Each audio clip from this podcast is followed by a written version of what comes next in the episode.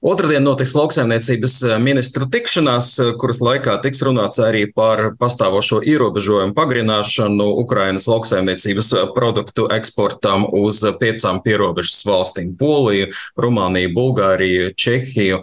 Vai šobrīd jūs, kā tirsniecības komisārs, redzat tam pamatojumu? Jā, tātad pašreiz mēs esam diskusijās gan ar piecām Eiropas Savienības dalību valstīm, kurām ir kopīga robeža ar Ukrainu, gan ar Ukrainu un arī Moldovu, lai šos jautājumus pārunātu, tātad, lai labāk saprastu dalību valstu pozīciju un kas dalību valstīm jau šajā brīdī liek domāt par to, ka būtu nepieciešams šos ārkārtas ierobežojumus pagarināt un, protams, protams, uzklausām arī Ukraiņas viedokli par šo jautājumu.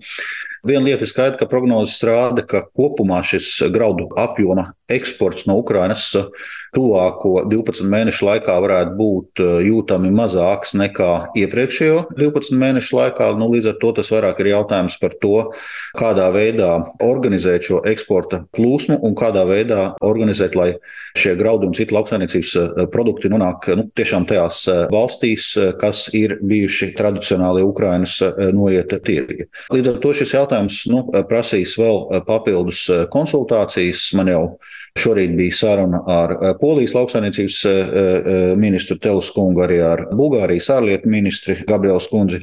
Un, principā, ir vienošanās nu, no visām pusēm, ka ir jāmeklē tomēr kopīgi risinājumi, kas arī šajā sarežģītajā situācijā palīdz Ukrainai.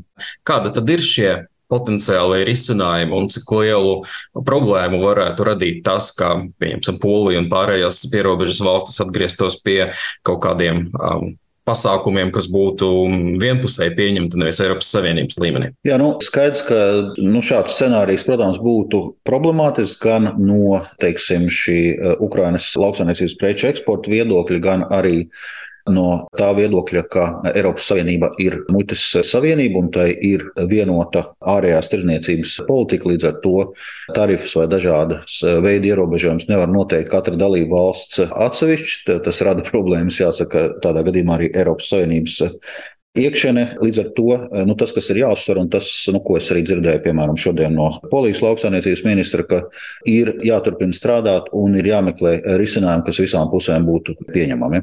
Tiek runāts arī par Baltijas uh, ostu iesaisti transportācijā. Cik reāls tas uh, ir šāda iespēja? Jo mums tomēr tas sliežu platums atšķirās, un tas nemaz nav tik viegli nogādāt šos graudus, apējot Baltkrieviju uh, kaut kādā veidā uz Baltijas jūras ostām. Tieši tā, nu, šis jautājums ir skatīts. Tā skaitā ir vērtēta iespēja izveidot šo platsliežu, tādu 15-20 eh, sliežu eh, savienojumu no Ukrainas uz eh, Lietuvu.